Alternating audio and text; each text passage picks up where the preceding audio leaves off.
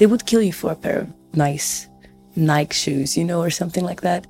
And it's it's really the the saddest part is that kids, if you go to, up to a favela, kids with ten years old, twelve years old, they're carrying big guns, and if you ask them if they would kill someone, they would they wouldn't even blink before saying, "Of course I would kill."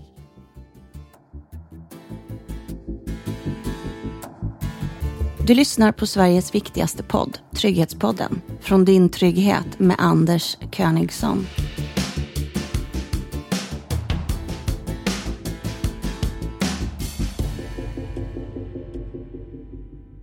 Brasilien är nog mest känt för fotboll, karneval och enorma regnskogsområden i Amazonas. Men när man kommer till Brasilien så märker man snabbt många andra saker som man inte visste om innan man kom dit. De vänliga och hjälpsamma människorna är en av de första sakerna man märker. Men sen smyger sig en mörk skugga fram och lägger sig över allt det ljusa och vackra som Brasilien bjuder på. För mord, rån, våld och annan grov kriminalitet är en del av vardagen för människorna där. I Rio de Janeiro bor Bruna Cirelli och hon har blandade känslor till sin stad. Rio is pretty cool in many ways and pretty bad in many ways as well. I'd say it's the best place to live in the world because of its beauty and its people. But it's the worst place at the same time because of the violence and stuff like that, because it's pretty scary. You know, you're always worried when you stop in a red light, you're always looking around and you can be robbed at any time, you can be mugged at any time. Almost everyone that I know have been through something. Like, for example, I had like three or four different cars, okay, in my life. And all of them were, in a way, something happened to them. You know, people, people broke in and took everything. All of my stereos was stolen, all of them, you know. Förutom att hon har fått inbrott i sina bilar och att hon blev bestulen på sin mobiltelefon så har bron ändå klarat sig ganska bra och hon har aldrig blivit rånad själv. Men hon känner många som har råkat ut för sånt också. Hennes farbrors familj till exempel, som bor i området Santa Teresa i Rio, råkade ut för en mycket otäck grej för några år sedan. They waited one night, they waited for like my whole family to get home. Like my grandmother, my uncle, my aunt, the maid, my two cousins, they waited for everyone to, to, to get home.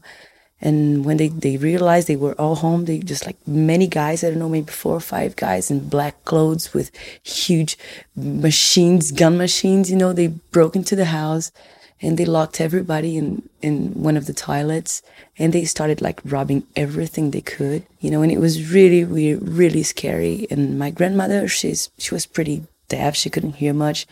So she was like in, inside her own, her, her own room. Um, watching TV, and one of the guys asked my aunt, was like, uh, "Is is is anyone there in that room?" And she said, "Yeah, my mom." Uh, okay, I'll go get her. And then my aunt said, "Please don't do that because she she could you know have a heart attack or something. She could be scared." So I'll go there and tell that tell her that something's going on, and I'll take her out of the room. And the guy asked if there was any telephone inside the room, and she said there wasn't. And he was like, "Okay, because if I get in there and if I if I see one single telephone or mobile. I'm going to kill everyone inside, blah, blah, blah. And then nothing happened. My, my, my aunt, she, she took my grandmother out of the room and he locked her with the, with, with the rest of the family in the, in the bathroom and they robbed everything, everything, all of the TVs, all of the, everything they could. And what they couldn't take away, they painted with like the black jet stuff that they used to, to, to, to paint the walls, you know, on the streets They painted everything in black. All the walls, the ceiling, the floors, everything. It was pretty devastated. Brunas farbror och hans familj bestämde sig trots det som hände för att bo kvar i huset i Santa Teresa. Men efter rånet har livet ändå förändrats och familjen har blivit som fångar i sitt eget hem. And after that If you go to my family's place out there, it's like a freaking beautiful house with an amazing view of Santa Teresa and the whole Rio and Niterói. It's a beautiful place, but you feel like you're, you're inside a jail or something because the doors and windows are all locked all day, full time, and you have alarms all over the place. If you want to go to the veranda to check out the view, you got to turn off the alarm and then you go outside and then you turn the alarm again and then lock the door. It's pretty, pretty, pretty scary. It's not nice to live like that. You know, sometimes you, it's better for you to move out to have a better quality of life. I de fattigaste områden, favelas, som ofta ligger på bergsluttningarna i städerna eller i städernas utkanter, så är livet en ständig kamp för överlevnad. Människorna där bor ofta i skjul gjorda av plåt, eller i bästa fall av tegel, och för det mesta är det stora familjer med många barn som trängs i ett sånt litet skjul. Och för att komma ut ur fattigdomen så finns det inte många vägar. Att gå på universitetet är dyrt och något som få rå med. Så för killarna kan det vara att bli riktigt bra i fotboll och bli proffs som är drömmen. Och för tjejerna att vara så vacker att man kan bli känd sambalansös eller fotomodell. Men betydligt mycket oftare slutar det med att killarna börjar råna och stjäla eller sälja droger och att tjejerna prostituerar sig. Många sådana favelas är som ett eget litet illegalt samhälle där den som står högst i rang är den som styr knarkförsäljningen. Gustavo bor i norra delen av Rio och arbetar på ett hostel i stadsdelen Ipanema. Han säger att som utomstående så är favelas ett område man inte kommer in i, inte ens om man är polis. It's not safe to be there because they are they, they, they, they own the place, they run the place, the drug lords are there. So you better be away from there. Just people who live there is allowed to be there. Even the police they don't allow them to go there. Att det är så mycket fattigdom skapar en enorm frustration hos de fattiga. Speciellt eftersom de bor så nära och hela tiden kan se hur de rika bor och lever. Och det finns gott om vapen i Brasilien som gör att den som känner sig förtryckt kan skapa sig respekt genom våld. Precis som i USA så är det lagligt att bära vapen i Brasilien. Men man ska ha licens för att få köpa vapen och kraven är rätt höga för det. Men samtidigt så finns det mängder med illegala vapen. Pistoler, gevär, automatvapen, till och med raketgevär är vapen som finns ute i favelas. Och de som har de här vapnen tvekar inte att använda dem heller, säger Bruna. They would kill you for a pair of nice Nike shoes, you know, or something like that. And it's it's really the the saddest part is that kids, if you go to, up to a favela, kids with ten years old, twelve years old, they're carrying big guns, and if you ask them if they would kill someone, they would they wouldn't even blink before saying, "Of course I would kill." Gustavo tycker ändå att allt prat om hur farligt det är i Rio är överdrivet och att medierna blåser upp det mer än vad det egentligen är. Yeah, it's because of the news. The the people of the media and the, the, the newspapers and the the news on the television, they they make the uh, uh they have the point of view different that from the from us we live here. Men samtidigt så säger han att rån och stölder är något som händer hela tiden. Working here in a hostel, that uh, a lot of people coming and going like a, twice a week. I can have one of these things happen. Och risken är också större att råka ut för något om man är turist. For sure. If you got distracted for a, for a certain time, they, they take your purse, they take a bag. Uh, you have to go by the beach and leave your stuff in the sand to go to the water. If you if you leave it unattended, for sure you'll not be there and you get back. So these kind of things they know you you you you're gonna do, so they take advantage of it. Många gånger används vapen som finns till interna uppgörelser mellan gängen men samtidigt så är det ofta som vapen används vid rån eller andra brott. Och det finns många andra brott som är vanliga i Rio, säger Bruna. Everybody has their car stolen every once in a while. My cousin had her car stolen right after that episode with the family stuff. She was just going down the, the, the road. It's a hill, okay. She was going down Santa Teresa and the guy with the gun came up to her and said, Stop it, give me a bag, get out of the car and get lost. And it's just like that. That's how it happens. And uh, I've heard that last month a friend of mine was kidnapped too. They made they call it like a quick kidnap, where they just stop you somewhere, they get your car, they put you in the back of the car, you know, they lock you up there and they go robbing people and they get your credit card and they get all of your money out of the cash machines and then they just drop you somewhere in a really weird place with just your shorts you know you don't you don't even you don't even have your shoes on because they leave you with no money with no shirts with no nothing they just leave you out there all you got to do is cry for help or something like that En annan sak som förbluffar en när man är ny i Rio är att nästan inga bilister stannar vid rött ljus på nätterna. Men det finns en förklaring till det.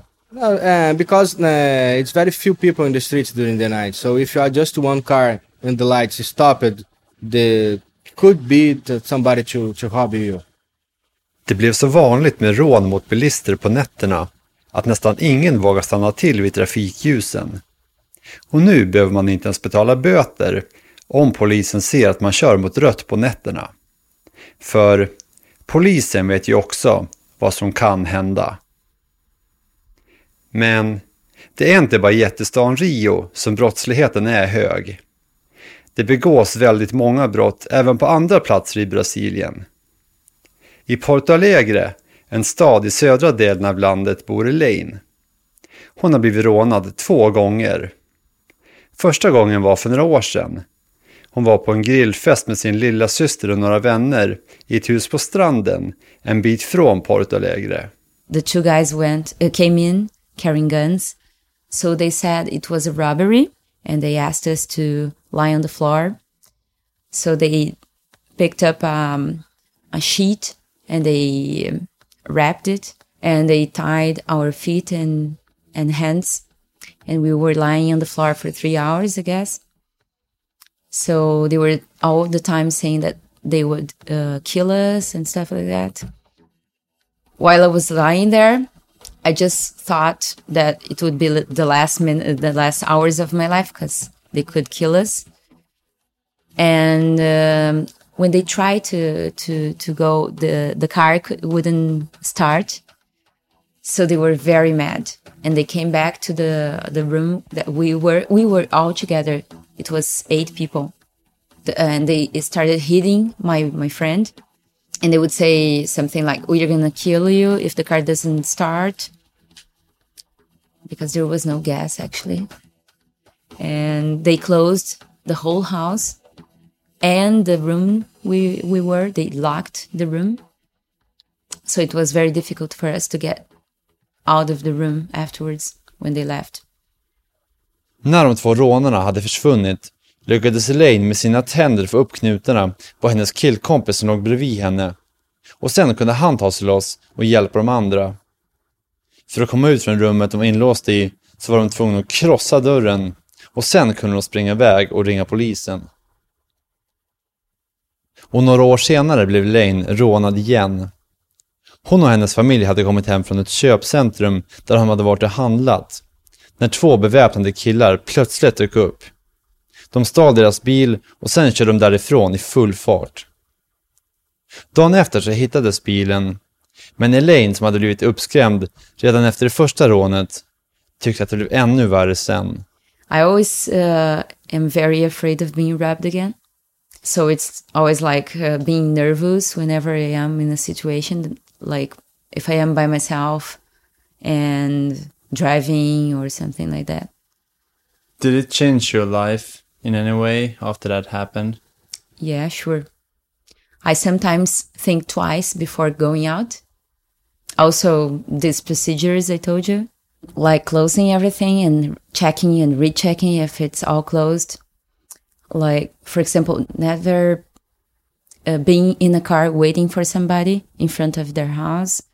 When you go to uh, the bank, you have to be very careful. You have to look around. If you see somebody that is looking at you, this person is probably looking for something to, to be stolen. Och Bruna har också rutiner för att skydda sig. We don't wear watches. We don't wear like jewelries.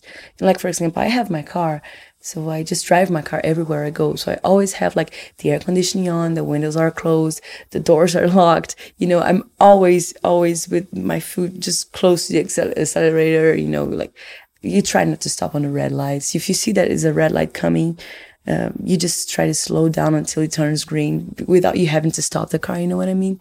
So it's really, it's really bad. That's not a good way of living at all. Och även Gustavo, som tycker att bilden av Rio som en farlig stad är helt fel. Han har också rutiner för att skydda sig. För att tänka på sådana saker är ju inget onaturligt, utan bara sånt som hör till om man bor i Rio. Yeah, it's normal to, to a small money to to put the bags, uh, keep the bags closer, to look around where you to to getting close to your car, look around before you opening. Uh, it's some things that you, you're natural for us to do. Men även om man har rutiner så är det inte alltid lätt att veta vem man ska skydda sig mot. I have a friend who was robbed by a pregnant woman.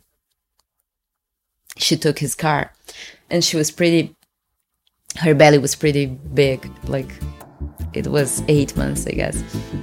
Du har hört ett avsnitt av Trygghetspodden. Fler avsnitt finns på dintrygghet.nu.